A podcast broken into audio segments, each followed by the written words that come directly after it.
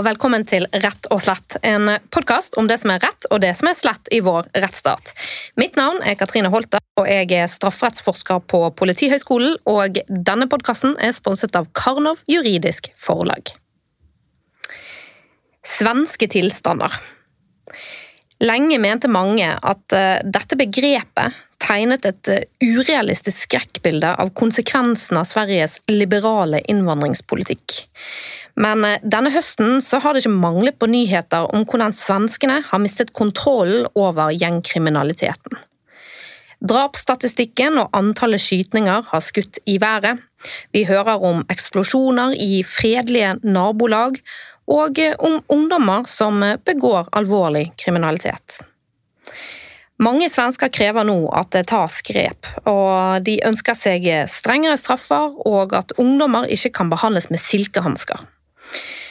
Og Dette sparker også i gang debatter her i Norge. For selv om vi klart nok ikke har svenske tilstander her, så er det flere som er redde for hvordan kriminaliteten kan utvikle seg.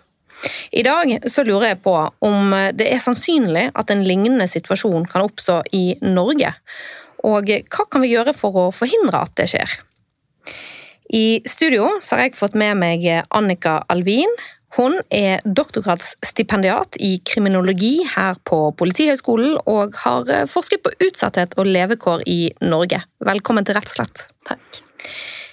Hva menes egentlig med svenske tilstander? Ja, ordet, eh, eller Uttrykket svenska tilstander' brukes egentlig i Norge og andre nordiske land for å referere til situasjoner eller fenomener som på en måte ligner på det som rapporteres fra i Sverige, og kan være knyttet til ulike temaer. Da. Men de siste decenniene, eller i hvert fall de siste årene, så har det særlig blitt brukt i danske og norske medier som et sånt, som du nevner, avskrekkende eksempel på eh, hvordan Sverige har endt opp i en sånn ukontrollerbar situasjon når det kommer til kriminalitet, og det har vært forklaringer som gått på høy politisk eh, korrekthet i Sverige, eh, mislykket flyktningpolitikk eller innvandringspolitikk og integrasjonen. Eh, og Noen ganger så ser det også ut til å brukes når man vil peke på liksom en feilet stat. Da. Og Begrepet svenske tilstander brukes derfor i veldig mørke overskrifter i artikler med politiske utspill. Eh, man får jo da lett inntrykket av at Sverige er i en krise på veldig mange samfunnsområder. Eh, og når jeg som kriminolog eh, får det spørsmålet i media om hva er svenske tilstander, eller eh, har vi det her, så tolker jeg det som at man lurer ofte på om det kommer disse slike store voldsbølger som man har sett i Sverige, kommer de komme til Norge. Eh, så det er særlig det man har vært opptatt av nå i det siste. Eh, og sen snakker man mye om integrasjon og segregering, og sånn, så iblant så tolker jeg også spørsmålet som har vi liksom den typen av segregasjon eh, i Norge, og det er også det som jeg har studert eh, nå det siste. Um, ibland kan man også få oppfatningen av at det stilles som et sånt spørsmål om Sverige har mistet kontrollen på hele kriminalitetsfeltet, og at eh, kriminaliteten generelt går opp. Eh, men det er ikke det som har skjedd i Sverige. Ja, for Hva er det egentlig som har skjedd i Sverige? Ja, De siste decenniene så har man sett en økning i den grove, dødelige kriminaliteten som er knyttet til skyteepisoder. Eh, og Det har vært en stor økning der, og det har gått fort. Og det har også skilt seg ut i europeisk sammenheng. Eh, men det man ikke ser, er en sånn generell eh, kriminalitetsøkning. Det er egentlig sånn at kriminalitetsbildet, som i veldig mange andre land her i Europa og i Norge, har eh, stagnert og, til og med minsket da, siden 90-tallet. Eh, og den, ellers så følger Sverige de vanlige trendene som vi ser rundt om i verden. Men så er det nettopp det skytevolden som er koblet til gjengkriminalitet og interne konflikter. det har økt veldig veldig fort. Eh, I det siste har man også hatt eh, registreringer av veldig veldig unge personer som har begått det og var lidit offer for denne typen kriminalitet. Eh, og da snakker man jo veldig ofte om denne rekrutteringen av unge inn i gjengkriminalitet. Mm. Mm. Um, kan du si noe om hva som er grunnen til at Sverige har fått svenske tilstander? Det er jo ganske vanlig at det er den liberale innvandringspolitikken som får skyld. Ja, nå i det siste har jo man blitt blivit ganske enig over blokkene om at det er innvandring og integrasjon som har vært et stort problem. Eh, jeg tror ikke at det er så enkelt, jeg tror at det er veldig sammensatt. Eh, siden hvis det hadde vært det som var problemet, og at det bare på en måte hadde skyldtes at vi ikke klarer å integrere folk, og at veldig mange lever i utenforskap og derfor begår kriminelle handlinger, så ville kanskje det generelle bildet også gått opp. Hvis man tenker at det leder til kriminalitet. Men det har jo noe å si at det er noen som lever i et veldig, veldig stort utenforskap. Og det har vært en polarisering i Sverige hvor eh, generelle altså Det har vært samfunnsendringer som på en måte har styrket noe av majoritetssamfunnet, kanskje, og at det har blitt høyere utdanning, eh, bedre levekår for veldig mange, men så er det noen som havner veldig utenfor eh, og blir segregert både fysisk og eh, i samfunnsinstitusjoner og og i livet generelt. Da. Um, Hva så, mener du når du sier at de blir fysisk segregert? De er også faktisk fysisk eh, av Altså de områdene som man snakker om som utsatte, eller som sliter veldig mye med levekår, eller også nå har blitt kobla veldig til disse gjengkonfliktene, i og med at mange offer og gjerningsmenn bor og oppholder seg her, eh, er også eh, ganske adskilt fra resten av samfunnet. Da. De er bygget liksom litt utenfor storbyen og har ikke alltid vært Eh, like nære fysisk som eh, områder i Norge. Som I byene her så har vi bygd det litt annerledes. Og det henger sammen med en tidlig boligpolitikk fra 70-tallet i Sverige. Og det er da man får det som man i gamle dager kalte for gettoer? Ja, danskene har jo valgt å kalle det det noen ganger, men eh, det er jo Ja. Det er ikke det jeg hadde sagt at det er i Sverige, men man, hadde, man får områder som sliter levekårsmessig, har mange ulike utfordringer, ikke har altså, samfunnsinstitusjoner som trekker seg unna. Man har haft eh, man velger å ikke få satsinger i områdene, eller det har vært vanskelig å få eh, folk til å etablere seg der, og så ja, skaper det store ringvirkninger. Da. Eh, hvor også den rekrutteringen man har sett inn til gjengene, har blitt større fra disse områdene enn fra andre områder i Sverige. Uh, I studio så har jeg også fått med meg Kai Spurkland. Han har vært med i uh, ja, to episoder før om uh, demonstrasjonsfrihet og om politiets rolle i krig. i denne podcasten Han er politiadvokat i Oslo politidistrikt. Han sitter bl.a. i politimesterens operative stab. Og Kai er også forsker i en bistilling her på Politihøgskolen, så Politihøgskolen er sterkt representert her i dag. Velkommen også til deg. Tusen takk. Kan ikke du si noe først om hvordan det norske politiet tenker om situasjonen i Norge nå? Altså er det sånn at politiet i Norge frykter for eh, svenske tilstander? Ja, Det er jo et spørsmål som kommer ofte. Eh, har vi eller får vi svenske tilstander i, i Norge også? Og Det er jo litt vanskelig å svare på, fordi det, det er jo begrep med noe eksakt innhold, akkurat som du sier, Annika. og, det, og det, det, er litt tabloid og brukes gjerne for å, liksom, svartmale, eller dramatisere en, en uh, situasjon. Uh, men, og, og, norsk politi har vært veldig opptatt av å si at vi har ikke svenske tilstander i Norge.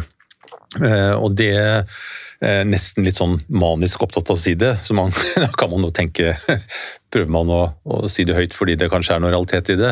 Men, men tallene viser jo at uh, man er langt unna der Sverige er når vi ser på volumet av, av vold. Og så antar vi også at det er en del forskjeller når vi ser på sånn, graden av utenforskap og, og disse tingene.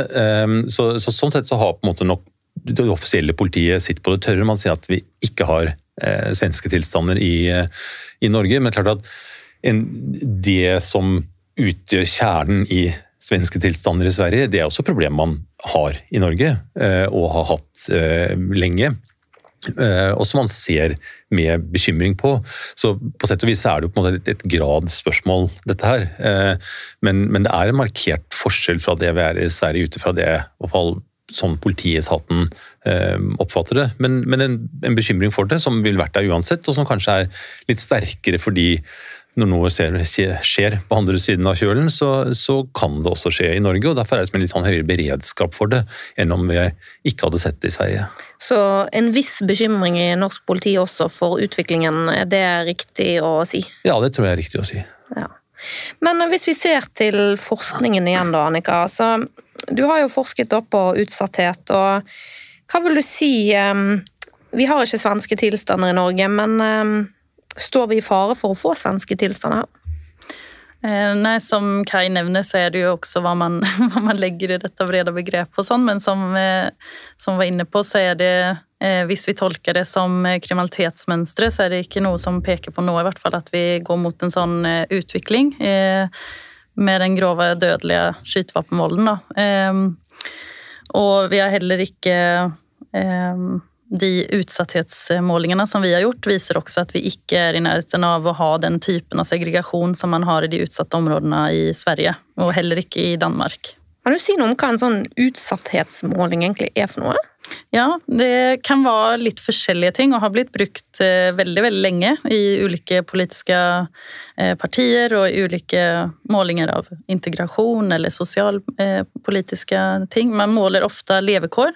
Dette er statistikk vi snakker om? Ja, det er statistikk veldig ofte. Men i den svenske ja, Vi har skrevet litt om dette i en annen artikkel hvor vi prøver å liksom rydde opp i det landskapet. For utsatte områder er også et veldig sånt bredt begrep som brukes veldig forskjellige og eh, på forskjellige ting. Og når man snakker om det, så er det ikke alltid de områdene eh, som man kanskje snakker om i en politisk sammenheng for å eh, fronte et politisk spørsmål eller en, en, et tiltak. eller noe sånt. Det er ikke alltid at de listene eller de eh, målingene da viser egentlig til den samme problematikken som diskuteres. Som for nå så er det veldig lett å tenke seg at utsatte områder i Sverige handler om eh, bare levekår, kanskje. Det gjør det ikke, for der har politiet også vært inne med en kvalitativ bedømning om hvor eh, kriminelle gjenger har stor påvirkning på samfunnet.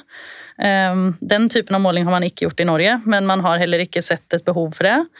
Eh, men i Danmark så har man en mer sånn eh, annen kvantitativ tilnærming, hvor man ikke bare lev, eh, måler levekår og kriminalitetsbilde, men Eh, måler antallet kriminelle som bor i et område, eller etnisk eh, eh, Hvilke typer, altså demografiske og, og andre eh, indikatorer da, på hvilke som bor i området. og Eh, og der har man også levekårsindikatorer, da, som arbeidsliv og, og, utdanning og sånt. Så det ligger ofte i bunn, men så kan det være andre ting inni i tillegg.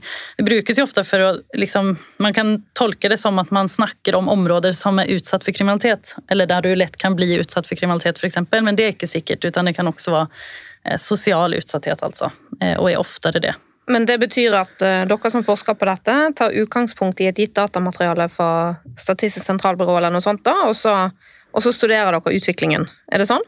Mm, og I den siste studien vi har gjort, så har vi prøvd å etterligne de metodene som man har brukt i Sverige nå i det siste. Svenske politiet sin levekårsindeks og eh, danske regjeringens eh, indeks og andre variabler for eh, utsatthet. Og så har vi målt det i Oslo og i Norge, og så ser vi om vi finner områder som da klassifiseres som utsatte ifølge deres definisjoner av det. Og da bruker vi f.eks. Statistikk over levekår fra SSB, og så bruker vi da straffedømte i den danske definisjonen, og også etnisk herkomst. I den eh, svenske så får vi ikke gjort den kvalitative dømningen om påvirkning. Da. Eh, men sen måler vi kriminalitetsbildet som en sånn ekstra undersøkelse, så ser vi om de områdene som da peker seg ut som utsatte i Oslo, har de et annet kriminalitetsbilde enn andre områder. Eh, og det klarer vi ikke helt å faststille, fordi at det kriminalitetsbildet varierer både mellom de områdene og over tid i de områdene. Men hvordan ser et område som er utsatt ut på statistikkene?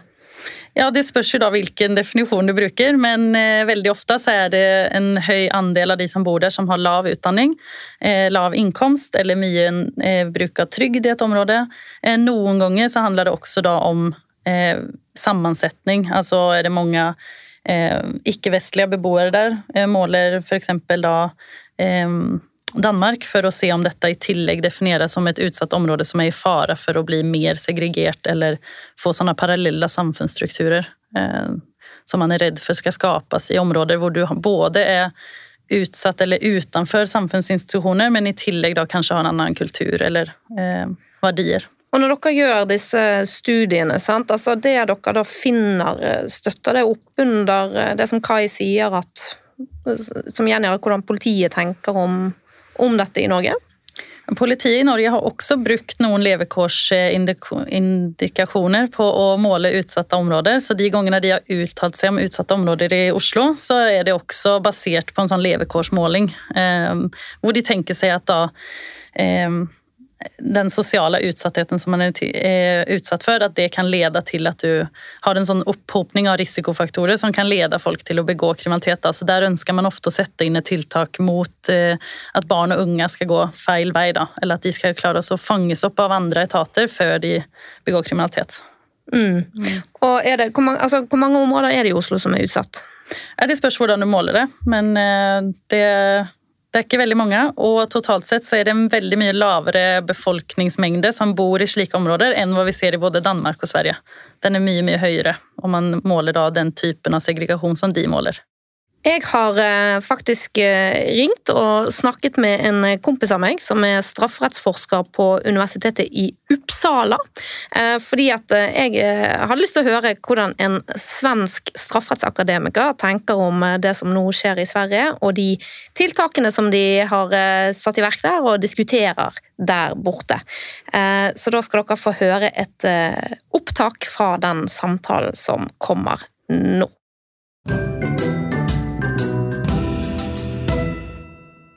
Vi sitter her og snakker om eh, det som vi i Norge kaller for svenske tilstander. Eh, det vil si, det det pressen kaller det for, i alle fall. Og med det, det. så sikter man jo da til eh, de forholdene i Sverige som nå i Norge slås opp som krigstyper. Det er nærmest krigslignende tilstander, skal vi tro mediedekningen. Eh, og jeg lurer aller først på om eh, du kan eh, hjelpe meg å forklare mine lyttere hva det er som skjer i Sverige nå. Er det så gale som vi kan få inntrykk av via mediene?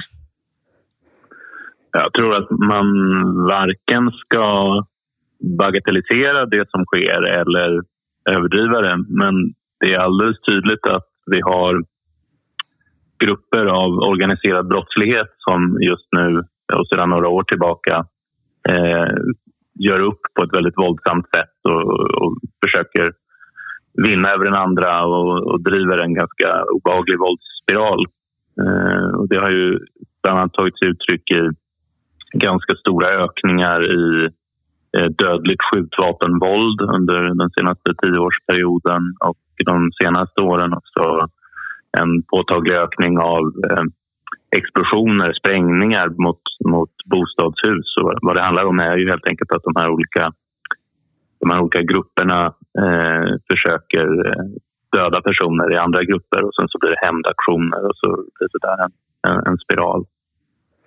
Er det et eh, problem med rekruttering av yngre til gjenger?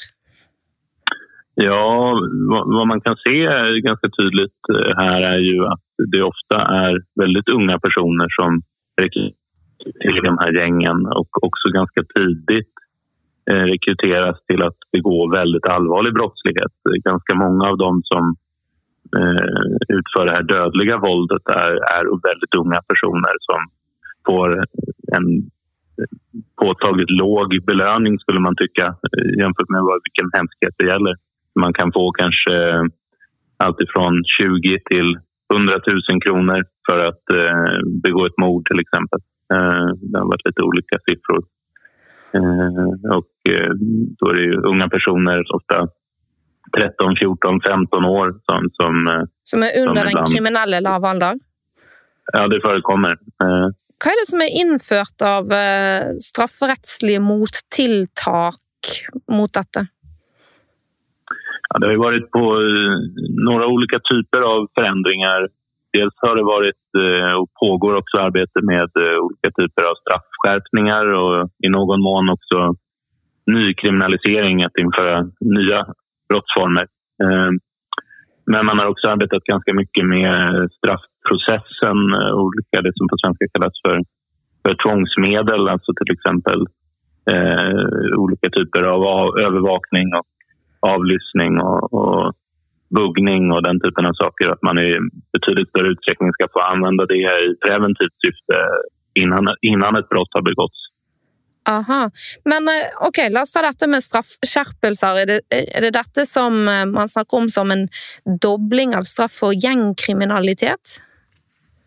Ja, det, det är ingenting som har genomförts än utan det, det är någonting som den nya regeringen eh, har på sitt program eh, som tillträdde förra året. Eh, men eh, de senaste 8-10 åren har det stegvis skett straffskärpningar, både för vissa brott men också det som har varit mest omdiskuterat har varit straffskärpningar för unga. Det som händer nu är att man nyligen införde ganska stora förändringar när det gällde, när det gällde unga, att, att unga ska, som är över 18 ska behandlas på samma sätt som eh, vuxna. Er man 18 år så er man vuxen. har vært en, en. Har det også vært diskutert å senke den kriminelle lavalderen? Lite grann. Det, det, tror jeg i sånne fall ligger en del fram i tiden. Jag tror ändå att det finns ett starkt motstånd eh, mot det hos många. Så det, jag tror inte att det är någonting som är, är, är på gång här närmast. Någonting som polisen eh, säger fungerar det är det här att man har skärpt straffen ganska mycket för vapenbrott. Eh, där har straffen skärpts väldigt mycket de senaste tio åren för det som heter grovt vapenbrott. Där kunde man få från sex månaders fängelse för tio år sedan ungefär och idag är det lägsta straffet två års fängelse och nu finns ett förslag att det ska bli fyra års fängelse. Eh, och det där säger polisen i alla fall eh, gör att man, man får bort folk eh, lite, i lite större utsträckning. Eh, men det, det, är ju ingen vetenskaplig undersökning. Eh, och så var det disse tvangsmidler de hadde gjennomført, som gjør at du nog kan ja. overvåke personer som ändå ikke har begått kriminalitet? Er det sånn? Ja, och det där är också ganska omdebatterat. Men, men vad man kan göra är någonting som kallas för, det kallas för preventiva tvångsmedel. Att, att om det finns en en, en eh, påtaglig risk eller man, man, man har liksom konkreta omständigheter som ger anledning att, att tro att eh, den här personen kommer att begå ett brott eller planerar ett brott eller deltar i ett gäng som, som planerar brottslighet så kan man använda vissa, vissa tvångsmedel preventivt innan brottet har begåtts för att kunna gripa in och, förhindra brottet. Eh, till exempel att eh, avlyssna en telefon eller eh, gå in i en chatt eller den typen av saker. Ja, Men dette her er jo altså litt avhengig av hvor langt man går i å overvåke personer som ikke har gjort noen ting galt enda, så, så hører man jo at mm-hmm. dette kan være problematisk, da, eller? Ja, men man, man får nog ändå säga att eh, eh, jag tror överlag tror jag att många tycker att det här är en ganska rimlig åtgärd. Det har inte varit någon stor debatt i, i samhället i, i stort utan det är ju vissa grupper som markerar ganska starkt mot det här. Till exempel eh, Advokatsamfundet som ofta är en, en organisation som vad ska man säga, försvarar fri och rättighetsperspektiv och integritetsperspektiv och så där har varit ganska hårda i sin kritik av det här. Eh, och vissa andra organisationer och några enstaka myndigheter. Eh, men jag tror att Och vad är det kritiken då går ut på? Att, att, att det är för långtgående och att, att eh, preventiv avlyssning och den typen av saker är företeelser som vi inte riktigt vill, vill ha i ett, i ett rättssamhälle för att det kan, det kan missbrukas. Og det rammer uskyldige, er det sånn, eller er det Förlåt? Er det, er det en fare for at det rammer personer som ikke har noen ting med gjengkriminalitet å gjøre? Ja, det er vel svårt å si i praktiken, men i, i teorien er det jo så at, at, att, om det bare finnes en mistanke om at man kommer å begå et brott eh, så kan man jo bli overvåket på et ganske tidlig stadium. Man kan jo fundere över hur mycket underlag behövs för att man ska kunna besluta om ett väldigt ingripande tvångsmedel som att till exempel avlyssna en lägenhet eller telefon eller den typen av saker. Ja. Ok, Har du noen eh, siste tanker om eh, hva vi i Norge bør gjøre for ikke å miste kontroll over gjengkriminaliteten? Ja, det var, det var en bra fråga. Jeg tror nog at, att i Sverige har man nu gjort misstaget att man, att man har reagerat för sent och då reagerar man i gengäld kanske allt för starkt. Att, att, eh, jag, jag, tror att lärdomen i Sverige eh, som diskuteras är att man, man måste reagera och att vi har varit för sena med att reagera. Men eh, nu i gengäld så blir reaktionen väldigt stark och det är kanske svårt att få att känna att vi alltid har proportionalitet i våra reaktioner, att de blir väldigt skarpa.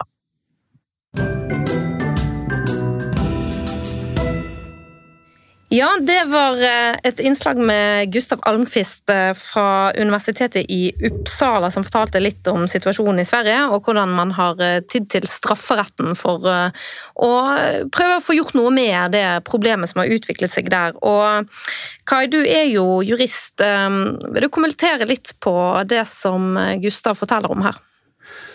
Ja, Det høres ut som Sverige har noe av den samme debatten som vi har i Norge, om eh, hvordan vi skal bruke strafferetten og hvor man eventuelt skal stramme til, for det er jo det vi snakker om.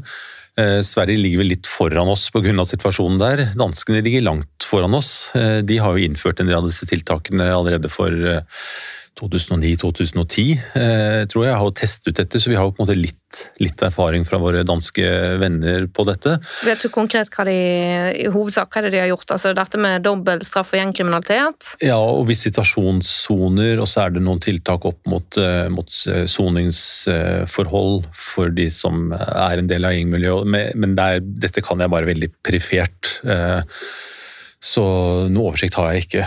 Men det er, de, det er, på en måte de samme tingene som er diskutert både i Norge og Sverige. Og særlig dette med, med straffeskjerpelser, dobling av straff eh, på, på, visse vilkår. Og, og da det som for så vidt ikke er straff, da, men, men eh, det å innføre visitasjonssoner eller senke terskelen for å gjøre en del type undersøkelser da, som kan avdekke Helt kort, hva er en visitasjonssone? Det er Sånn jeg har forstått det, så er det altså Man har regler om eh, visitasjoner i, i, i, norsk rett, og helt sikkert dansk og svensk rett også. Eh, når man bruker ordet visitasjoner, så er det typisk undersøkelser av personer og kjøretøy osv. Eh, som gjøres Eh, ikke mistankebasert. Altså Du gjør det ikke fordi du har en mistanke om at noen oppvarer våpen, og så undersøker du for å lete etter våpen, og eventuelt ta beslag i våpen som bevis i en straffesak. Man gjør det som et mer sånn preventivt eh, tiltak, litt som promillekontroll i trafikken. Du veiver til side en haug med biler og får folk til å, å blåse, fordi man tror at det virker forebyggende. Så det er på en måte, Når vi bruker ordet visitasjon, er det den typen undersøkelser vi snakker om. Og dette er forskjell fra ransaking, som da skal være mistankebasert, knyttet til om eh, det er begått en straffbar handling. Ja, helt riktig. Og det er jo alltid en terskel for, kanskje bortsett fra trafikkontroller, hvor det praktisk talt ikke er noen terskel, man ikke trenger noe mistankegrunnlag eh, i det hele tatt, så er det alltid en terskel for å iverksette visitasjoner. Og i visitasjonssoner så har man på en eller annen måte senket den terskelen. Sånn at man enten kan visitere alle som er der, eller har en lavere terskel enn det man ellers har for å foreta disse forebyggende eller avvergende visitasjonene. Sånn ja. har jeg oppfattet iallfall det som har vært diskutert i Norge. Og det skal vi, vi skal komme litt mer tilbake til visitasjonen. Bare nevne også kort at uh, du Kai har jo skrevet en veldig oppklarende artikkel eh, om forskjell på visitasjon og ransaking, og der poenget jo er at dette er jo handlinger som politiet gjør, som i det ytre ser helt like ut ikke sant? Man stopper noen og går gjennom vesker og eh, ja, lommer og den slags. Ja, og Bare en liten sånn sidekommentar til det, så er jo dette, Nå sitter jo vi i en juspod og, og snakker om visitasjon og ransaking og andre undersøkelser for folk flest, så opplever man det. Politiet kommer, og de kikka i veska mi, og de fant noe, fant noe og ikke noe gikk videre. Altså, folk opplever det veldig likt, så, så, det må jo på en måte også som hele juridisk miljø, og ikke minst politiet, være bevisst på at liksom, vi kan lage noen litt sånn fine skiller mellom ulike typer eh, undersøkelser, tiltak, og, og hva de skal kategoriseres som, og hvilke virkninger de har folk opplever at politiet er eh, tett på veska deres og reagerer på det. Så det, ja. Mm. Ok, tilbake til eh, kommentarer til Gustavs samtale med Gustav. Ja, altså jeg tenker En ting som man ikke må glemme, det er jo at når vi snakker om en del kriminalitet som skjer i disse gjengmiljøene, så er jo det ting som er straffbart i dag, og ting som ofte er, har ganske høy straff og ganske høy prioritet. Altså Ser vi på, ser vi på drap, drapsforsøk, grov vold, grov narkotikakriminalitet, så er jo det ting som har veldig høy strafferamme i dag, og som har ganske høy prioritet.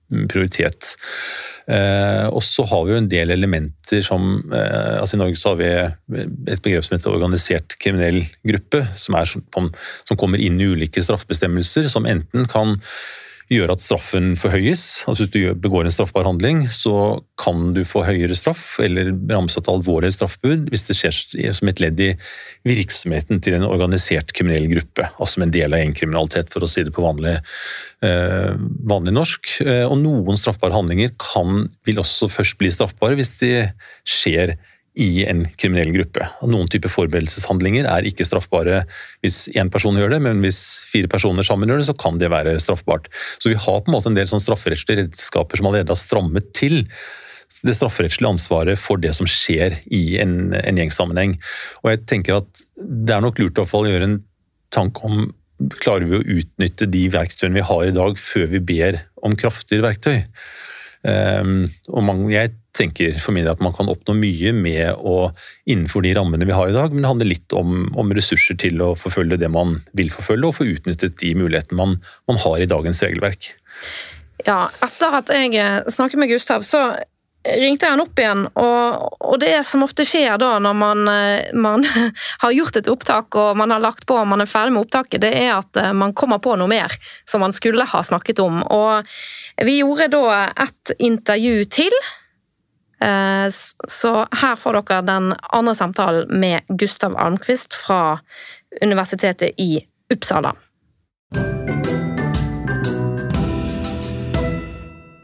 Det som eh, skjedde nå, det er jo typisk. Det er sånn at med en gang man har eh, lagt på telefonen eller skrudd av opptakeren, så kommer man på noe mer viktig som skulle vært sagt. og Derfor så ringer jeg deg opp igjen, så du kan få lov å snakke litt om dette med inndragning også.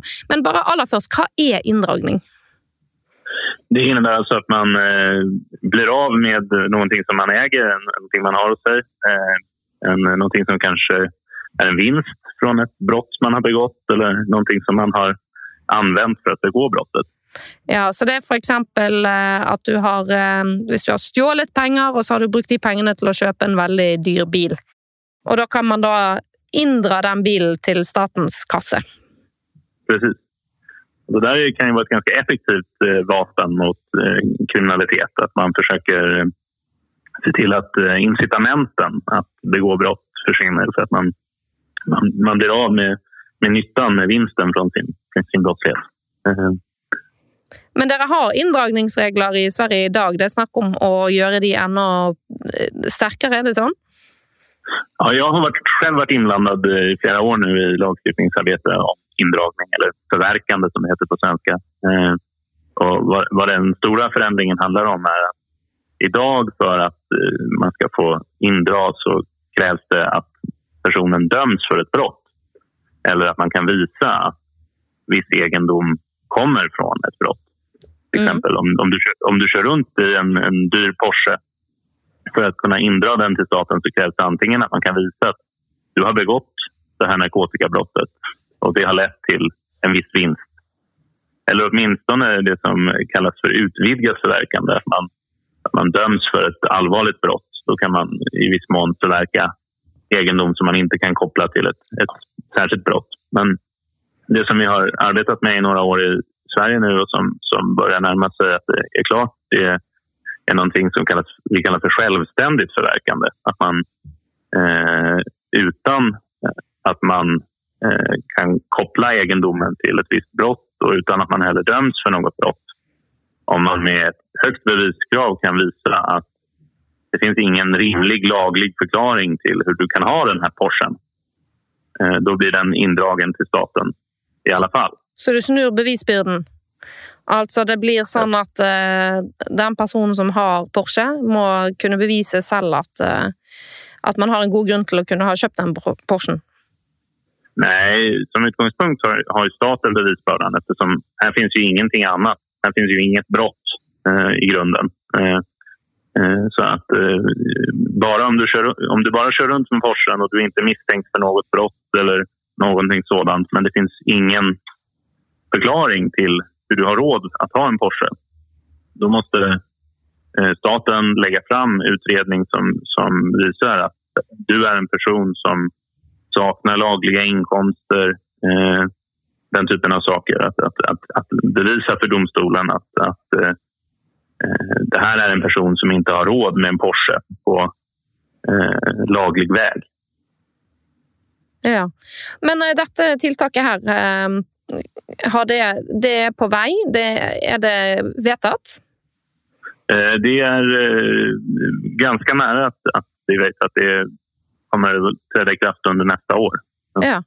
Tenker du, Er dette problematisk, eller er dette en, en god ting etter ditt syn? Jag har ju själv varit inblandad i att ta fram förslagen så jag, jag kanske inte ska recensera dem men jag, jag, tror själv att det är en bättre väg att gå eh, än att eh, i väldigt stor utsträckning skärpa straffen eller att eh, eh, i väldigt stor utsträckning använda preventiva tvångsmedel. Jag tror att det här är mer effektivt och jag tycker ändå att det är mindre problematiskt ur rättsstatssynpunkt än, än en hel del av de andra åtgärderna som övervägs.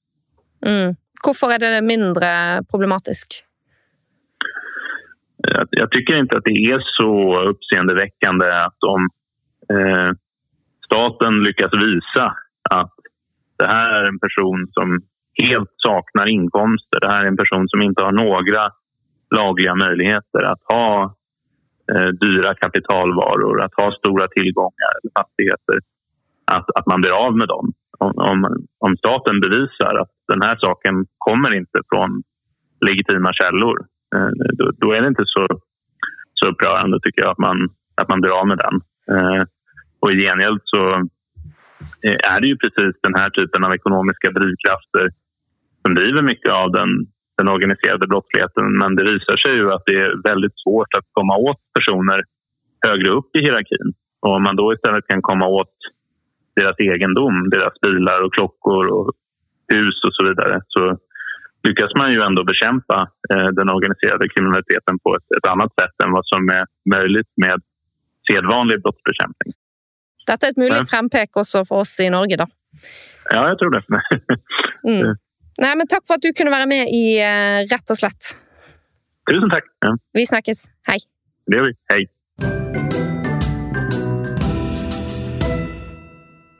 Ja, Kai, da fikk vi også høre om uh, dette inndragningsarbeidet som uh, de har holdt på med i Sverige nå, og som ser ut til å gå gjennom uh, og snart bli vedtatt der, og som også det norske justisdepartementet har vist en viss interesse for her i Norge. Um, hva tenker du om inndragning? Er det en måte å på en måte ta luften ut av ballongen på den organiserte kriminaliteten, tror du? Jeg tenker at inndragning er et veldig viktig spor å følge. Og vi har jo inndragningsregler i Norge. Nå kjenner jeg ikke det, de svenske, men det høres ut som det vi har i dag ikke er veldig forskjellig fra det man enten har eller, eller får i Sverige. Og Inndragning er jo, er jo ikke en straff rent sånn teknisk sett, men den er ganske tett opp til. For det handler rett om å ta gjenstander eller verdier som stammer fra eller har tilknytning til eh, straffbare handlinger. Uh, og det er jo Inndragningsinstituttet, som vi kaller det, er jo en måte å forsøke å gjøre som det uttrykket med at forbrytelser lønner seg ikke til alvor. Uh, og det er en veldig sånn sterk antakelse om at hvis man, hvis man klarer å inndra utbytte, så fjerner man på en måte noe av det økonomiske insentivet. fordi vi vet jo i dag at selv om man klarer å oppklare straffesaker, så er man ikke flinke nok til å ta verdiene.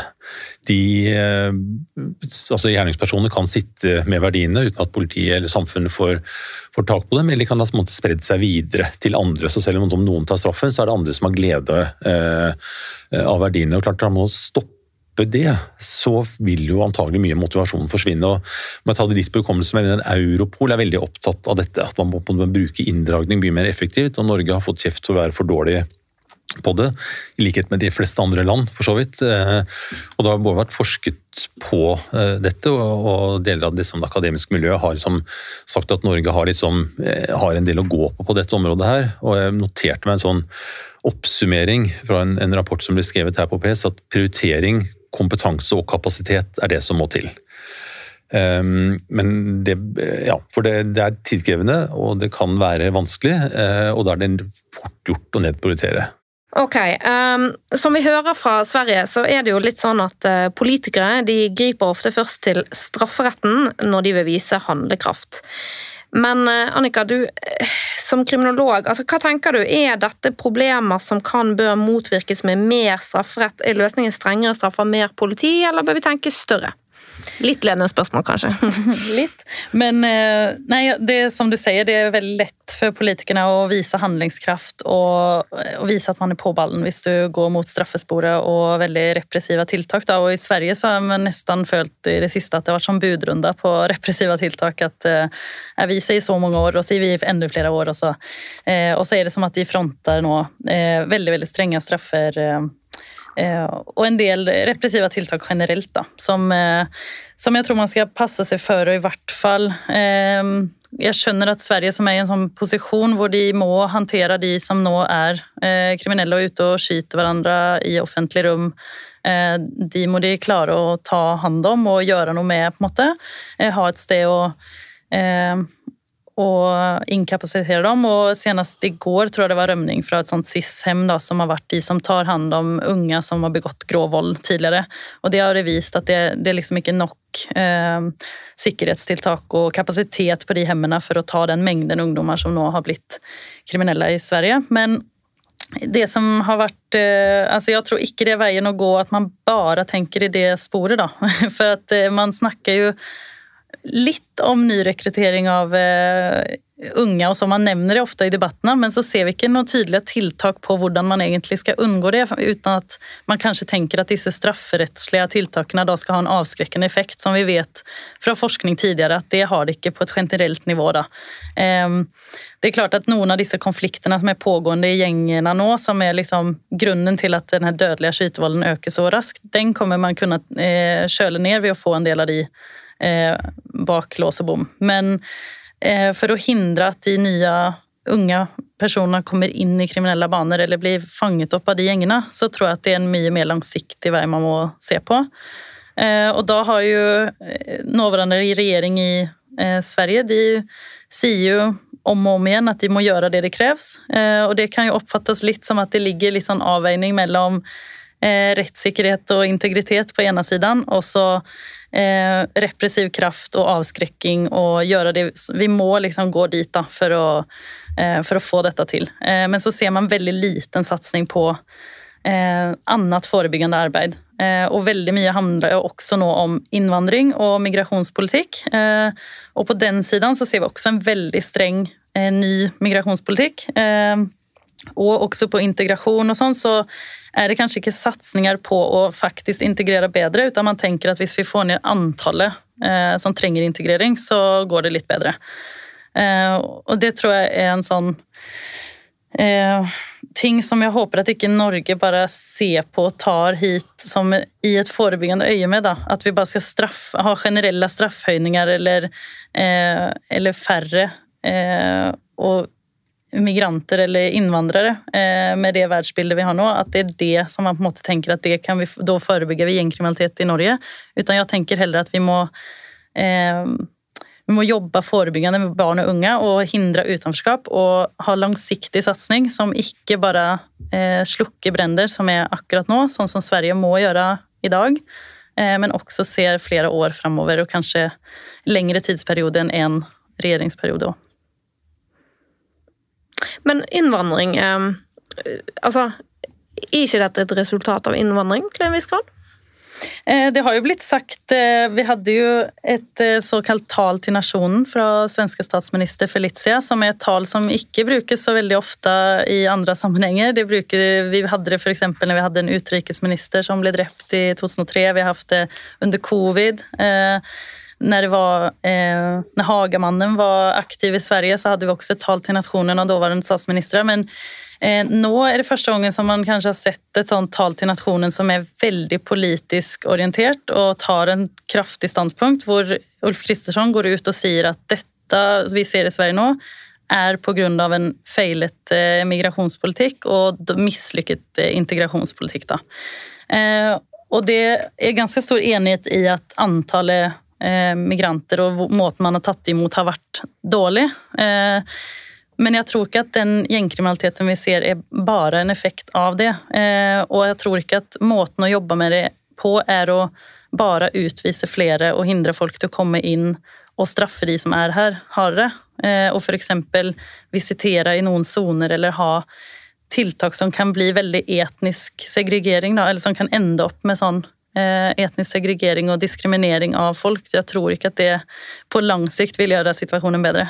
Nei, Du snakket også tidligere om, eh, om bosetting. ikke sant? Og I Norge så har det vel vært regler knyttet til og nå er ikke jeg noen ekspert på dette, men at, at ved innvandring så, så blir man eh, bosatt i en kommune, og man får ordninger som gjør at støtter faller bort hvis du flytter fra disse kommunene innen et visst tidsrom.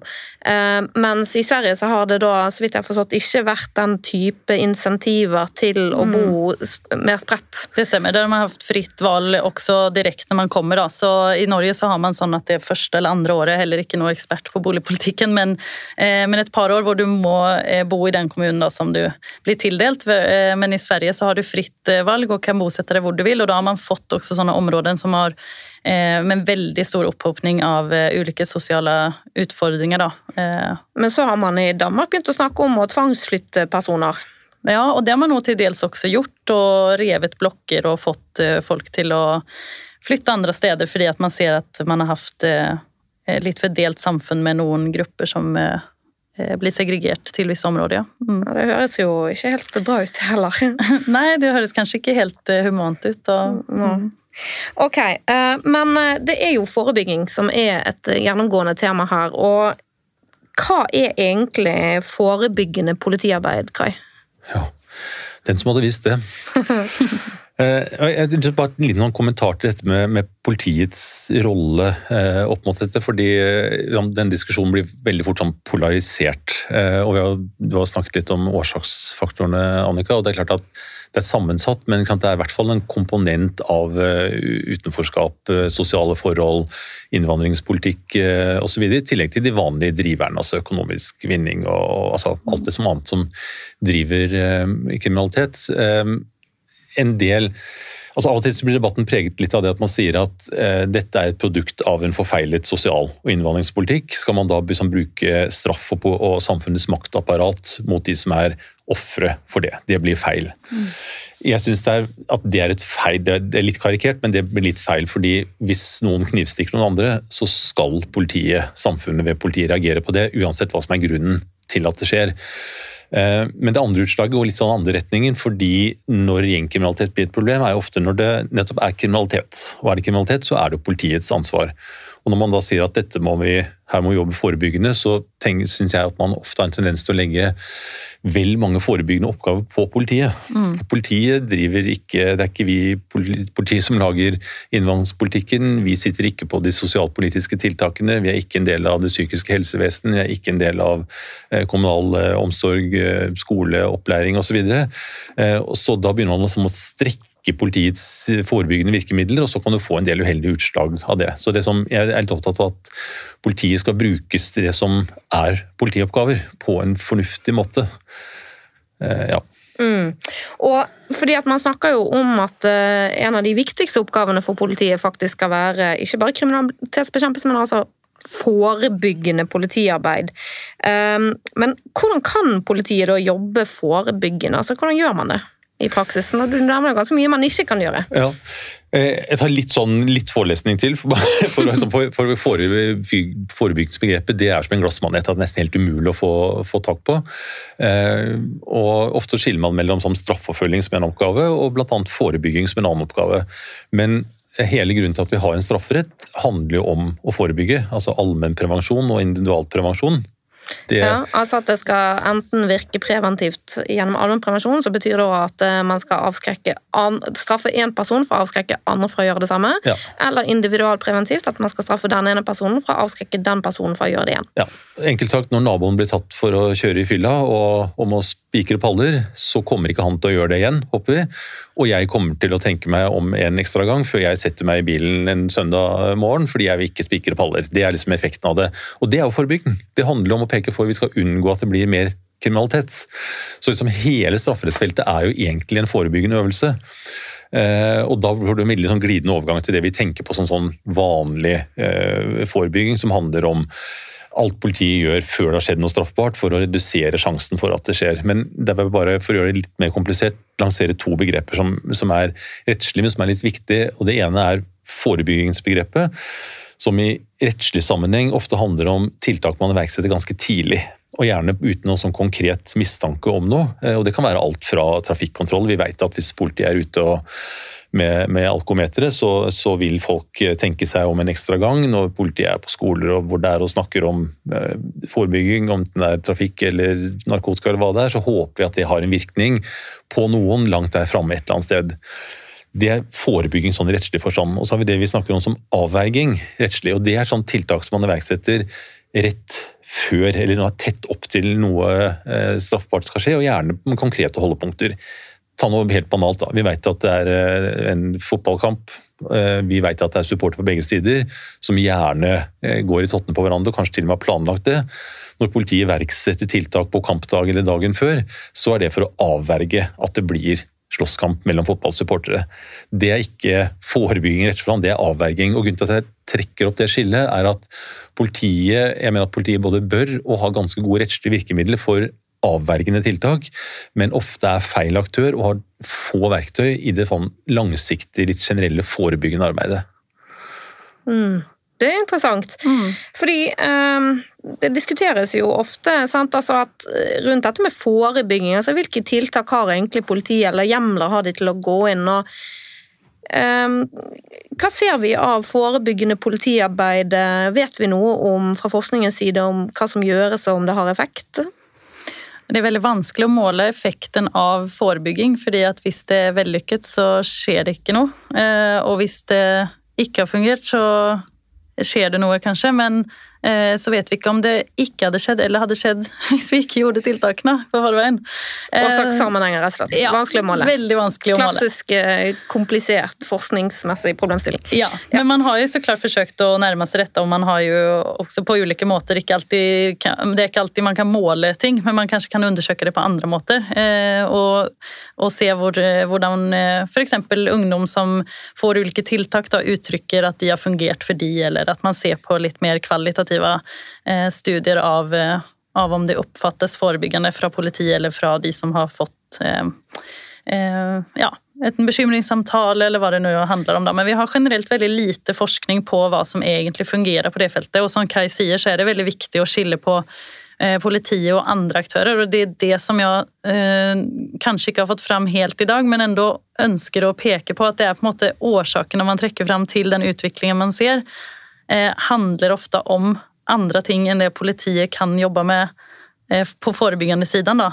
Eh, og så satser man veldig veldig mye nå i Sverige, og også så som justisministeren i eh, og ulike partier i Norge også snakker om, eh, om harde strafferettslige tiltak eller andre typer eh, altså mer politiressurser i Oslo, visitasjonssoner eller andre ting som er eh, politioppgaver da, som de tenker skal forebygge at vi får gjengkriminalitet eh, i Norge, som er i den eh, som har så høyt voldskapital som det har i Sverige. Eh, men så mener jeg også at her må vi liksom tenke litt bredere enn å bare tenke straffespor og politi, for det finnes mange andre politikkfelter og andre aktører som må inn på banen for å forebygge at slike ting skjer. Hva kan det være, f.eks.? Eh, jeg tenker at det er veldig viktig å da unngå segregering, som jeg har vært inne på. Eh, og Altså bo bosetting og Ja, kanskje bosetting, eller både det at folk havner utenfor viktige samfunnsarenaer. Så uansett hvor de bor, så burde de ha lik eh, sjanse til å liksom, få en god utdanning, eh, komme seg i arbeid. De må få hjelp til å bli integrerte hvis de kommer fra andre land. Um, og man må også fange opp de barna og Eh, og unge som da kanskje trenger å få et alternativ i stedet for å gå inn i gjengkonflikter. Eller i, for å tjene penger, eller andre grunner som kan være drivende. Det fins både pull- og push-faktorer som kan påvirke til at folk går inn i sånn type kriminalitet. Eh, men jeg tror at man ikke skal tenke bare politi og straff og kontroll når man da skal forebygge, for det har i hvert fall vist at strafferettslige, altså generelle strafferettslige tiltak og generelt høyere straff eh, for barn og unge har ikke vist noen forebyggende effekt tidligere, hvis man tenker på eh, alle de ti årene med kriminologisk forskning som har vist at f.eks. Eh, lange fengselsstraffer kan få folk til å miste mer og eh, på en måte være på vei ut, stå med enda mindre og vi får tilbakefall, sant? i stedet for at vi klarer å reintegrere. Eh, eller at folk føler seg diskriminert eller av andre grunner utenfor samfunnet fordi at man blir ofte kontrollert av politiet eh, før man har gjort noe. Eh, eller at politiet er inne og eh, jobbe forebyggende med ungdom hvor det kanskje egentlig skal være andre. Da. Vi vet ikke om det beste er at politiet står og forteller unge hva de skal gjøre og ikke gjøre, eller om det hadde vært andre aktører som er bedre på det. I Sverige også har mange kriminologer vært ute og varnet litt for at liksom, ja, vi trenger å, som Kai sier, når det først skjer kriminalitet, og når vi har konkrete ting som ikke er lov å gjøre, at da må vi straffe, og, og politiet har oppgaver eh, der. Mm. Eh, men problemat, eh, det problematiske er kanskje når de kommer inn veldig tidlig. Da, og at man, Politiet kommer inn tidlig? ja, eh, og ja, kan på en måte gjøre at det blir stigmatiserende eller leder til at man eh, kanskje gjør ting som man ikke hadde gjort før. Men eh, Kai, altså, en av de tingene som politiet gjør, og som Annika var inne på i sted, er jo dette med bekymringssam, bekymringssamtaler. Hva er det for noe? Det er, en, det er et, et rent forebyggende tiltak som er beskrevet i politiloven, rettet mot, eh, mot mindreårige, og det er egentlig en tvungen samtale. Det er som en innkalling til rektors kontor, for å si det litt på den måten, eh, som man, politiet kan du kan bli kalt inn til en bekymringssamtale, den som ungdommen og, og foreldre, hvis man har gjort noe, er mistenkt man har gjort noe straffbart, eller hvis man er under en kriminell lavalder, har gjort noe som ville vært straffbart, hvis man var over den kriminelle lavalder. Og det er ikke for å oppklare, det er ikke et avhør for å oppklare saken som en del av etterforskningen, det er for eh, det er en forebyggende samtale for å se framover. Hvordan skal vi unngå at dette skjer igjen?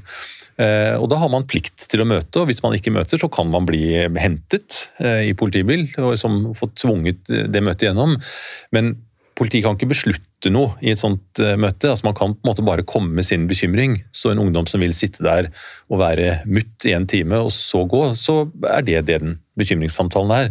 Så det er på en måte et sånn både hardt og mykt virkemiddel på en gang. Du kan tvinge det gjennom, men du kan ikke tvinge noe ut av bekymringssamtalen. Eh, Og det òg tror jeg er noe som eh, kan ha noen negative sider også. Altså, jeg var litt borti det i forbindelse med når jeg var forsvarer for yngre lovbrytere. og er jo, da er du jo ikke i straffeprosessporet, og det, jo, det er jo i utgangspunktet bra, men fordelen med å være i straffeprosessporet er jo at du har rettigheter, det skal tas opptak, du kan få det ut. Det er mye vanskeligere å få innsyn i hva som har skjedd i en bekymringssamtale, fordi at du er inn, ikke inne i den vanlige em, prosessen, da. så du må søke om innsyn andre steder og sånn. Så det er liksom, pluss at eh, ungdommer kan oppleve det som stigmatiserende, da. Ja, og dette er diskusjoner som har blitt fremmet, ja, at man får ikke innsyn, eller det kan være stigmatiserende, men vi har egentlig ikke noe forskning på om det virker eller ikke. da. Mm. Men er det litt sånn gjennomgående, hører jeg fra begge kanter, altså dette, dette her med kunnskap om hva som funker? Hva um, Ja, jeg, jeg mener jo altså Min opplevelse er at vi vet altfor lite om forebygging. Eh, og som du pekte på, vet jo veldig litt om hvordan vi skal måle det. Og det er jo fordi det er vanskelig. Eh, kanskje altså hvorvidt altså, Det gjøres så mye forebyggende i norsk politi i dag. Eh, kanskje er det fullstendig bortkasta. At vi kunne brukt penger på noe, noe helt annet. Kanskje er det en suksesshistorie. Hvis vi sammenligner med Sverige, kanskje vi har forebygget en svenske tilstander ved det arbeidet vi gjør i dag. Det vet vi ikke. Og Vi må jo jobbe kunnskapsbasert og vite hva vi, eh, hva vi driver med å bruke penger på. Og ikke minst så gjelder det hvis det er snakk om å iverksette litt inngripende tiltak. Nå er det ganske mange forebyggende tiltak som ikke er inngripende, men, men hvis man begynner på en måte å, å bruke litt inngripende tiltak, som liksom pålegger plikter, begrensninger, ja, det kan være kontroller, det kan være hva som helst, så må i hvert fall være ganske sikre på at det virker. Vi kan ikke begynne med inngripende ting og si at vi håper at det virker, men det aner vi ingenting om. Så helt, for at man hele tatt skal få eh, argumentere for å ta i bruk litt sånn tyngre juridisk skyts i det forebyggende arbeidet, så må vi i hvert fall kunne si at dette virker. Ja, det er inngripende, men det har en god effekt på kriminaliteten, og derfor er det verdt det. Men når vi ikke har det, så er det vanskelig for politiet å iverksette det, vanskelig for politikere å vedta det. Så her mangler vi på en måte kunnskap til å, til å handle, mener jeg. Er det noe det forskes på, Annika? Altså, det har jo blitt gjort eh, mer kvalitative studier av ulike ja, ja, sosiale aspekter som kan virke, altså ulike risikofaktorer, eller det man prøver å komme fram til f.eks. i bekymringssamtalen, da, det er jo om, om disse ungdommene f.eks. har en del sånne etablerte risikofaktorer som kan være sånt som jeg har snakket om i dag, sosial utsatthet eller utenforskap, eller om de eh, mangler karakterer fra skolen, at det er noe som de på en måte kunne eh, fått som gir dem mer mestring eller mer tilhørighet eller sånne ting. Og da prøver man, eh, kanskje ikke fra politiets side, men kanskje i, fra den samtalen føre de inn i konversasjon med andre etater som da kanskje kan støtte opp og, og bygge opp sånne kallede beskyttelsesfaktorer. Så det er det man baserer veldig mye av dette på. Eh, men det er på en måte det vi eh, vet og det vi har. Eh, på den kvantitative siden så er det eh, som sagt ekstremt lite da, og veldig vanskelig. Eh, og så har man jo en del eh, eh, begynt med en større evalueringspraksis kanskje i politiet, og, men burde kanskje i mange tilfeller også ha følgeforskning eller andre typer opplegg for at man skal kunne faktisk vurdere da, hva som fungerer og ikke. Og en stor debatt om f.eks. den kvitteringsordningen er jo at vi Ja, for vi må ta det. Ja. Hva, er kvitter, hva, er kvitteringsordningen? Ja, Du kanskje vil si det juridisk først, Kai? Ja. Og så kan jeg si noen problematiske sider ved målingen av det. Ja. At kvitteringsordningen nå brukes som betegnelsen på et prøveprosjekt som, i, eh, som gikk fra eh, januar til september i Oslo i år. Eh, som var en del av regjeringsplattformen til sittende regjering. Hvor Ordningen innebærer at alle som blir utsatt for en politikontroll, skal få en kvittering. og Foreløpig har man fått en sånn fysisk papirkvittering, ser litt ut som en parkeringsbot, som viser at du er kontrollert av politiet pga. dette og dette. Og Så lager man nå statistikk på det, og den som har blitt kontrollert, får da et bevis på at man er kontrollert. Og Bakgrunnen var et, et sterkt ønske fra en del minoritetsorganisasjoner, særlig den som heter OMOD, Organisasjonen mot offentlig diskriminering, som har kjempet for dette i, i tre tiår, mer eller mindre. Fordi de mener at det er mye overkontroll av minoriteter, og at et stort problem er at den er udokumentert. Så man, hvis man tar opp det at jeg blir stoppet stadig vekk fordi jeg er mørk, så sier politiet at nei, det har ikke vi registrert, så det stemmer nok ikke. Mm. Um, så det er selve sånn ordningen sånn teknisk sett, da. Ja, og det paradoksale i det da som ble innført, som har blitt kritisert også av bl.a. OMO, da, er jo at Ehm, at man da innførte denne kvitteringsordningen men man ikke, eller som en prøve. og den, skal, den, er jo nå under evaluering og kommer til å bli evaluert eh, i slutten av november. kommer det nå sikkert eh, ut etter hvert av Oslo Mette og Oslo Economics. Ehm, men der har man ikke i den kvitteringen noen muligheter for å registrere verken hudfarge, hvis det skulle være det det går på, eller etnisitet, altså fra sin egen etnisitet eller foreldrenes etnisitet. Ehm, så hvis man skulle ville kvantitativt undersøke om det er noen systematisk diskriminering i Norge, så går ikke det på det bakgrunnen av de som, den informasjonen man da har samlet inn. Eh, hvis du ikke på en veldig diskriminerende måte skulle eventuelt eh, prøve på hvilke type navn man har. Det er jo ikke en god metode. Og dette var et av stridstemaene da den prøveordningen ble, ble etablert. Og, og, og, særlig da OMOD ønsket jo veldig sterkt det, eh, åpenbart, for å, å, se om det stemmer. At det er overkontroll av, eh, av eh, folk som er mørkere eller annen etnisk bakgrunn enn norsk. Det ble ikke gjort av flere grunner. Det var ikke en del av bestillingen, den politiske bestillingen, så da sa politiet at vi kan ikke legge inn det elementet uten at det er en del av bestillingen. Så er det også veldig mange rettslige hindre, og vi fikk for kun et par uker siden et svar fra Kripos personvernmiljø der, som er liksom den eksperten i politiet på dette, om man kunne ha gjort det, og svaret var vel litt enkelt sagt nei det må en lovendring til for at man skal registrere det. Men jeg synes det mest sånn problematiske handler egentlig ikke om jussen, men la oss si at man rydder av vei de formelle hindringene og, registrerer dette her. Så får du først en sånn svar på hva, hvordan skal man registrere etnisitet. Hva, du har bodd i hele Norge, livet, Norge hele livet. Eh, føler seg litt mellom far er, mor er norsk, far er fra Ghana. Eh, er ganske mørk. Eh, hva er du da? Er det det politimannen som kontrollerer deg, tror? Er det det du føler seg som? Er det det som liksom, den bakgrunnen din rent sånn teknisk tilsier at du er? Det blitt veldig, og, det, og, det, og det er følsomt å plassere folk i feil kategori. Det, det, det er uheldig på veldig mange måter. Og la oss si at man fant det at det var overkontroll av etniske minoriteter eller mørkhudede, så er jo det tall som kan misbrukes altså putt i hendene på politikere med en, en fra en politisk farge, så sier man at dette er det endelige beviset på at innvandrere er mer kriminelle enn en, eh, nordmenn. Her tallenes tale er klar. Putt i hendene på en politiker med en annen eh, farge, så får man bevis på at politiet er eh, rasistiske eller i hvert fall fordomsfulle. Så det er sånn tall som er veldig krevende å bruke på en god måte, og da må det i hvert fall være bunnsolide og svar på en politisk bestilling, og, og innenfor lovens rammer. Eh, så nå får vi se hva, hva, denne rapporten viser, og om det på en måte er noe politisk ønske og vilje om å lage en ordning hvor man også kan se på det. Men det er en krevende øvelse. Men dette viser jo da at, at, eh, altså at det er en del personer som opplever det som ekstremt stigmatiserende å bli stoppet mye av politiet. Og, og jeg har ikke vanskelig for jeg, Og nå snakker jeg bare selvfølgelig basert på synsing, men jeg har ikke noe vanskelig for å tro på at uh, det er en del personer som blir uh, stoppet oftere enn andre, uh, og at det ikke nødvendigvis er godt begrunnet. og det er nå bare basert på anekdoter om ting man hører. men det viser jo dette med kvitteringsordningen. Det viser jo det at eh, når politiet kommer inn og skal kontrollere, og hvis det blir eh, få, altså at man skal gjøre mer av det, mer politikontroller, så har det en kostnad som man har forsøkt å rette opp i med denne kvitteringsordningen.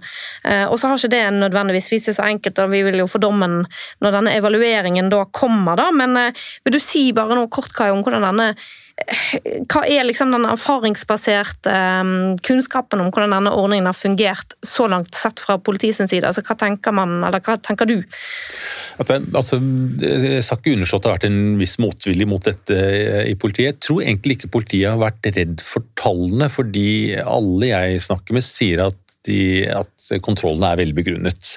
Så kan det være mye bias og mye sånn at man ikke er man forskjellsbehandler uten å være bevisst det selv, så jeg tenker det er ganske interessant å se på likevel. Men jeg tror politiet nok liksom undervurderer litt belastningen ved det, og vi fikk en ganske god illustrasjon på det for etter denne Kongsberg-hendelsen, altså ikke denne politivoldssaken, men denne han bueskyttermannen to dager etter det så ble det iverksatt en såkalt eh, våpenaksjon eh, i våpenvisitasjon i Oslo. Hvor man eh, ja, litt enkelt sagt, man kan bestemme innenfor en avgrenset periode og kontrollere alle for om de bærer våpen, hvis det er en, en spesiell god grunn til det. Og det, Denne Kongsberg-hendelsen gjorde at man valgte å ha det i Oslo sentrum, noe man ganske sjelden har. Eh, da kontrollerte man folk på Nationaltheatrets stasjon og traff en helt annen gruppe enn de man pleier å treffe. Da man, traff man pene mennesker fra vestkanten som skulle på Nationaltheatret, og som plutselig ble bedt av politiet om å vise fram hva de hadde i veska. Det reagerte de ekstremt kraftig på. og det er ofte liksom mye av det, altså Mange mennesker av det slaget er også de som har veldig høylytte orde for at man må være eh, tough on crime og liksom gå på de eh, Kontrollere de eh, belastede miljøene osv. Så, videre. så det var en veldig sånn tydelig illustrasjon på at det, selv om det bare er vi kikker i veska, er det ingenting, så er det beklager bryet, ha en god dag. Det er isolert sett ikke veldig inngripende, men det oppleves um, ubehagelig. Så det påtrengende. Sånn, påtrengende, ja. ja. Men så vet man det at altså, i en del belastede miljøer, det er mye våpen der ute. Eh, det at folk bærer våpen er i seg selv en veldig risikofaktor. For har man kniv, så kan du eh, bruke kniven hvis man blir presset. Så bare å fjerne kniver for å ta en så enkel ting, er veldig avgjørende for å få bort mye av den grove volden. Og man finner ikke en kniv uten å lete i lommene på folk. Så skal man, eh, skal man, fjerne våpen, så må man kontrollere i en eller annen form. Og Så blir jo spørsmålet da på hvilket grunnlag. Hva kan du legge vekt på? Hvor konkrete mistanke må du ha? Hvor høy må mistanken være? Kan du basere deg på generelle faktorer som miljø, område, tidspunkter, eh, spesielle hendelser eh, osv.? Det er liksom den, den vanskelige debatten, både rettslig og sånn mer sånn forebyggende faglig, da, for å kalle det det. hvor er liksom det riktige balansepunktet der? Og jeg tror svaret er vet ikke. Det, det er mm. Det er, mye å si på den, fordi den, den er adoptert eh, særlig fra, fra England. Eh, der har man noen ganske der har politiet i hvert fall hatt veldig sånne rause eh, kontrollhjemler, så man kan kontrollere de fleste hvis man syns man har en god grunn. I England? I, i England, ja. ja. I, I, Storbritannia. I Norge så har man strengere regler, så eh, du kan veldig mange rettslige grunnlag for å ta at politiet kan kontrollere noen i Norge, men det er liksom ulike formål, trafikk, utlending, orden, straffesak. Det er forskjellige grunner og ulike vilkår. Det er alltid en terskel man må over for å kunne gjøre det. Så putte liksom et litt sånn generisk system som man har fra Storbritannia på litt sånn der, litt sånn fragmentariske Norge, det, det, passet dårlig. Så det var en kjempejobb å finne ut hva som egentlig var eh, politikontroller. Og så er jo det litt rare at det man håper skulle bygge tillit, liksom nå har vi kontrollert deg, her er et bevis på at du er kontrollert. Mange oppfattet jo det som liksom en, en merbelastning. Liksom, jeg har ikke gjort noe galt, og nå får jeg en bot i tillegg.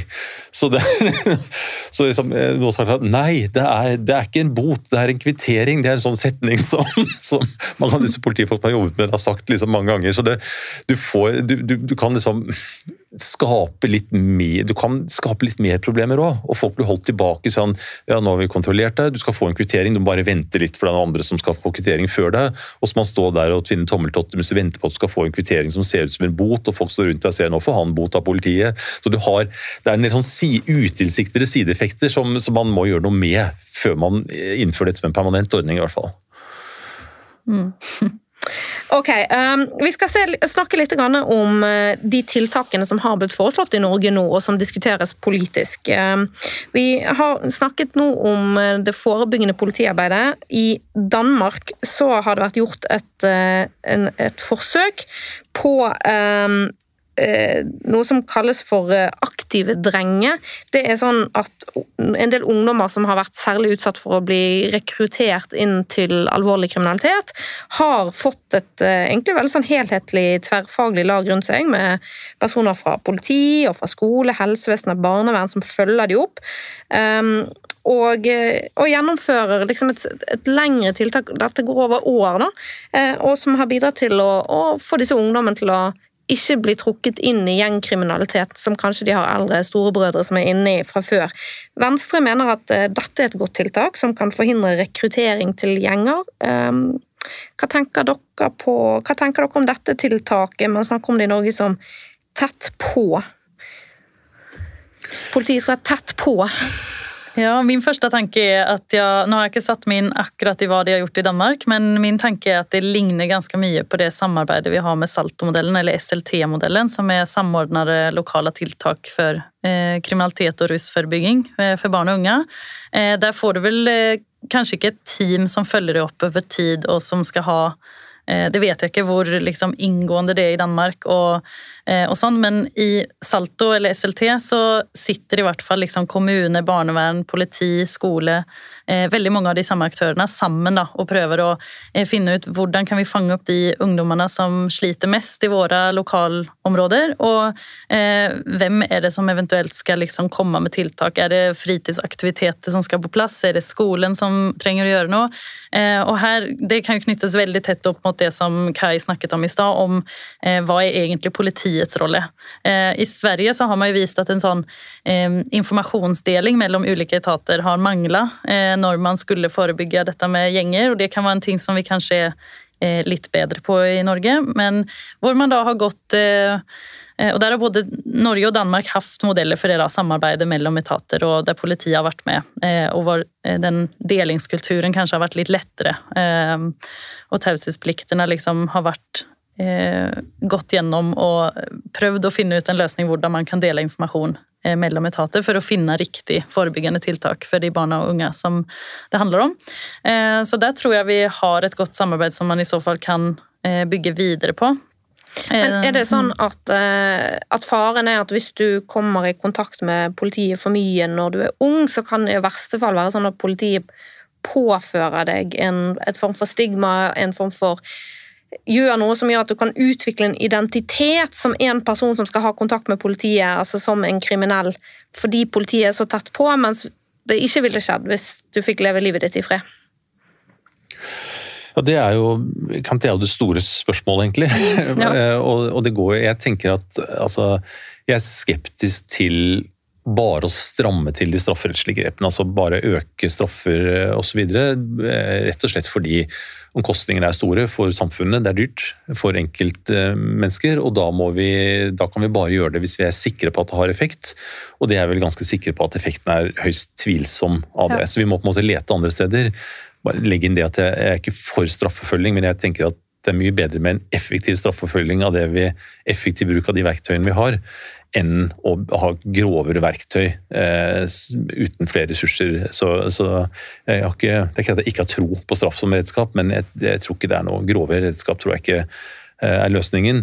Mm. Eh, så, og, og, hvis det virker, så tenker jeg da skal vi ønske det velkommen. Og jeg tror det, uten at jeg kjenner den danske ordningen, vil avhenge litt av hva tiltakene består i, hvor, hvor tungt politiet er involvert. Liksom, mm. Du får klevet politiet, det er han som alltid og alltid politiet er på step, liksom. Det, det er en, en, belastning. Eller inngår det som et mer sånn sømløst, eh, mindre synlig støtteapparat rundt liksom skole, kommune Ja, nå snakker du om dette aktive drenger, sant? Aktive drenger, ja. Eller tett på hvis det blir det det blir eh, hvis vi får noe sånt i Norge. Men det, det har noen ulemper, det også. Det, det, koster, det koster, penger, eh, og, og, penger må tas fra, fra et eller annet sted. Og, og, det krever informasjonsutveksling, det har noen rettslige hindre. og det er jo altså da får mange vite om alt som er ubehagelig, og det, er, liksom, det har en omkostning for de, de, det gjelder. I tillegg til det at det, eh, du kan bli litt sånn, bli sånn, sånn klientforhold til politi og samfunn, og det kan også ha sine negative sider. Men hvis det virker, så er jo det, disse ulempene eh, Jeg tenker at de fort er verdt det hvis, en, hvis du får noe folk ut av en kriminell løpbane. så er det en, en liten pris å betale. Men hvis vi ikke vet noe om det, eller ikke har noe bevis for det, så, så er det bortkasta eh, penger og bortkasta belastning på de det, de det gjelder. Mm. Så vi må vite. så da, Jeg vet ikke om, vi, om, det er forsket på det danske forslaget, og altså, man vet noe der, men det, hvert fall, det må vi finne ut før vi før vi begynner å bruke ressurser på det. Ja, for I Danmark så har det vel skjedd en eh, drastisk nedgang i den eh, gjengkriminaliteten. Men så er man uenig om hva det er som har virket som man har gjort der. For der har man både da hatt innført en del rekke eh, sånne drakoniske straffetiltak, ja. men også jobbet forebyggende. Ja, man har hatt en aktive drenger, som du nevner. Man har hatt de boligtiltakene som vi snakket om, hvor man eh, rett og slett har brytet opp i noen eh, mønstre i den geografiske segregeringen. Eh, man har hatt strenge straffer, man har hatt veldig sånne bandepakker, som man snakker om. Og politiet har også hatt en måte å jobbe i ulike områder som har vært fokusert på litt sånn tillit og relasjoner og sånt som vi vet har eh, har kanskje en bedre effekt enn å, å komme og liksom eh, ikke snakke med befolkningen, men samtidig så vet man ikke eh, helt hvordan det da står seg når de i tillegg får veldig straffende tiltak eh, og skal gjøre mer eh, repressivt i tillegg. Så det er veldig mange faktorer og mye som har skjedd i Danmark. Og noe som det, det, har vært verre problemer enn hva man har nå, eh, og akkurat nå har man heller ikke noen pågående konflikter i eh, det som kalles rocker- og bandemiljøer i Danmark. Da. Sånn som man har i Sverige, så har man jo eller gjeng, nei, kriminelle gjenger som er i aktive konflikter, og det er jo da man ser disse bølgene av vold da, som vi så både på midten av 2010-tallet og nå eh, i Eh, fra 20 til 23. Ja. Mm. Og Det er litt vanskelig med Danmark. Jeg er ikke spesielt bevandret i de danske tiltakene, men så vidt jeg har skjønt det, så er det, det er sånn disse band, fire bandepakker. Mm. fint ord, for så vidt. Eh, som både består av sånne, sånne sosiale, sånn forebyggende tiltak som, som, dette aktive drenge. Så er det jo sånn exit-tiltak også, ganske, ganske ja. omfattende exit-tiltak for å få folk ut av miljøene og, og ja. få en annen litt lov, lovlydig grunn under føttene. Eh, så er det ganske sånn eh, hard så boligprogrammer som du nevnte, og så er det sånn hard tilstramming på en del, altså skjerpede straffer for, for gjentagelse hvis det har skjedd i, eh, i, i altså gjengkriminalitet i visse områder, og i tillegg til disse sånn visitasjonssoner, altså en lavere terskel for forebyggende kontroller i visse områder. Så det er sånn, pakka veldig mange ulike tiltak, og så har det tydeligvis hatt en effekt. Og så vet vi ikke helt hva det er. Og så blir det en del av den politiske debatten. ikke sant? Hardere straffer virker. Nei, sosiale tiltak virker.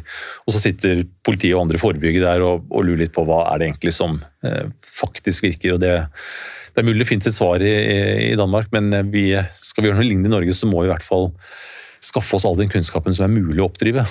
Ja. Ja, og Det er vanskelig å skille på hva som har fungert og ikke, og hvordan man skal klare å se på ulike samfunns... Eh, Eh, ellers, og det som har blitt satt inn. og eh, narkotikamarked og andre ting som vi ikke får innsyn i kanskje fra mitt hold. Da. Eh, og det, ja, Men det tar jo tid da å fremprovosere ny forskning eller få produsert det. Ja, ikke sant? Hva skal man gjøre mens man venter? Skal man ingenting, eller? Ja, og Langsiktige tiltak koster som sagt veldig mye penger. og Det som man da har eh, gått mot i Sverige, er jo kanskje at man da har i hvert fall blitt enige om å gå veldig hardt til. Eh, og minske eh, antallet innvandrere. og forebygge sånne skyggesamfunn som man snakker om. Altså få ut alle som ikke har oppholdstillatelse i Sverige. De vil man sende tilbake. Eh, hvis du er kriminell, så skal de sendes ut. Man skal minske befolkningen og man skal eh, minske innvandringen. Og man skal straffe hardt de som gjør noe. Og tenker at det er i hvert fall Eh, med henvisning til Danmark så er det mange som da mener at dette fungerer jo, for det ser vi at det har fungert i Danmark. Men det er altså ikke klart om det er akkurat det som har fungert. Og så er det jo bare en sånn, en sånn stor, kompliserende faktor oppi det hele. og det som, Litt som hva som er driveren, og det er jo, det er jo narkotikaomsetning som er den økonomiske motoren. Det er mye penger i det. Og mye av det som trigger liksom de, sånn, de, voldelige oppgjørene, det er jo typisk strid mellom ulike grupper om, om markeder. Ja. Eh, og hvordan forholder man seg til det? Nå er jo liksom hele synet på narkotika, narkotikapolitikken og jussen er jo på en måte litt i spill. Og, og, det tenker jeg det er nok også en medvirkende faktor til det vi ser, eh, ser i dag. Så liksom litt samfunnets sånn manglende evne til å ta et godt grep om narkotika som eh, en samfunnsutfordring, det er også en faktor i, eh, i dette her. Og, og, det og hva som er svaret på det, er jo Det, det fins antagelig ikke, men jeg tror ikke man liksom skal underslå det. det. det. er en økonomisk driver, og det er en, en utløser av voldsepisoder. Ja, og det er jo flere som vil lansere legalisering som en løsning på mange av disse problemene. Ja, og det ville jo ikke innefattet all eh, narkotika eller heller forebygget et svart marked av narkotika hvis vi hadde hatt det helt legalt. Det finnes alltid behov av svarte markeder, men eh, det som man har sett i, eh, i Sverige, er jo just det at i situasjoner hvor narkotika Hvor det har vært oppgjør om områder man vil ha kontroll over, eller eh, inndragelser av narkotika, eller da penger som man har mangla for et eller annet salg, eh, som har utløst veldig voldelige konflikter. Og så har man nå i det siste også oppdaget da, at det er veldig mye økonomi fra eh, fra bedragerier og velferdsstaten som utnyttes i disse kriminelle organisasjonene. Eh, og i tillegg en stor eh, våpenhandel. Og våpen og tilgang på våpen, som Kai er inne på. Hvis noen bærer kniv, så er det mer sannsynlig at de vil bruke den, eh, eller velge å ta den frem. Og tilgangen på våpen har også blitt nevnt som en sånn stor årsak til at det har blitt så voldelig i Sverige. Og det er en stor forskjell mellom Sverige og Norge, tror jeg er at det også er et mye større narkotikamarked som har skapt de her mulighetene eh, for disse gjengene, eh, som er mye større enn de er i Norge. Eh, og det er for at Sverige har fungert som et transittland både til Norge og til andre skandinaviske land en stund nå. Mm. Jeg har i alle fall tro på at det å gjøre våpenkriminalitet til et prioritert område for politiet ville vært kunne vært et forebyggende tiltak eh, også for, eh, mot den mer organiserte kriminaliteten. Eh, vi nærmer oss avslutningen på denne episoden, og de har en tendens til å bli lange for tiden. Men dere skal helt avslutningsvis få si noe på den avsluttende spalten, altså der dere får fremheve noe som dere synes er rett eller slett i vår rettsstat. Og da tror vi skal gjøre det ganske kort, men hva er det du skal begynne. Ja, Det blir på en måte bare en gjentagelse egentlig av det jeg, har sagt. der. Jeg tenker at dette, dette feltet vi har snakket om nå, eh, det som er slett der, er på en måte den ønsket om å lage enkle fiendebilder, enkle løsninger, slå politisk mynt, vise politisk handlekraft, istedenfor å gjøre det som trengs, og det er på en måte skaffe kunnskap, bruke kunnskap, være tålmodig, jobbe med alle som har eh, aksjer i det. Og jeg merket meg fra eh, Energikommisjonen skrev en NOU i fjor, mener jeg det var, om klima- og miljøtiltak, og de hadde den overskriften 'Mer av alt raskere'. Så hvis vi klarer mer av alt raskere, og jeg har jo troa på at det er mulig, liksom, hvis man legger våpenet til side, så, så kan vi håndtere dette og ikke få svenske tilstander.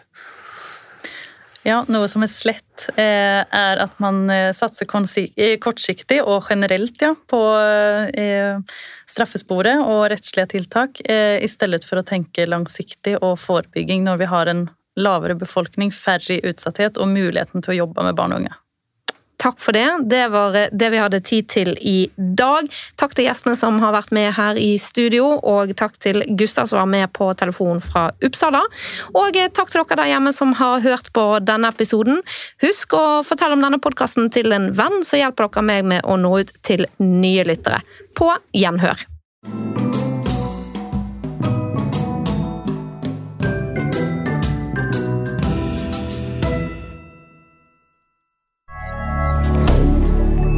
Media.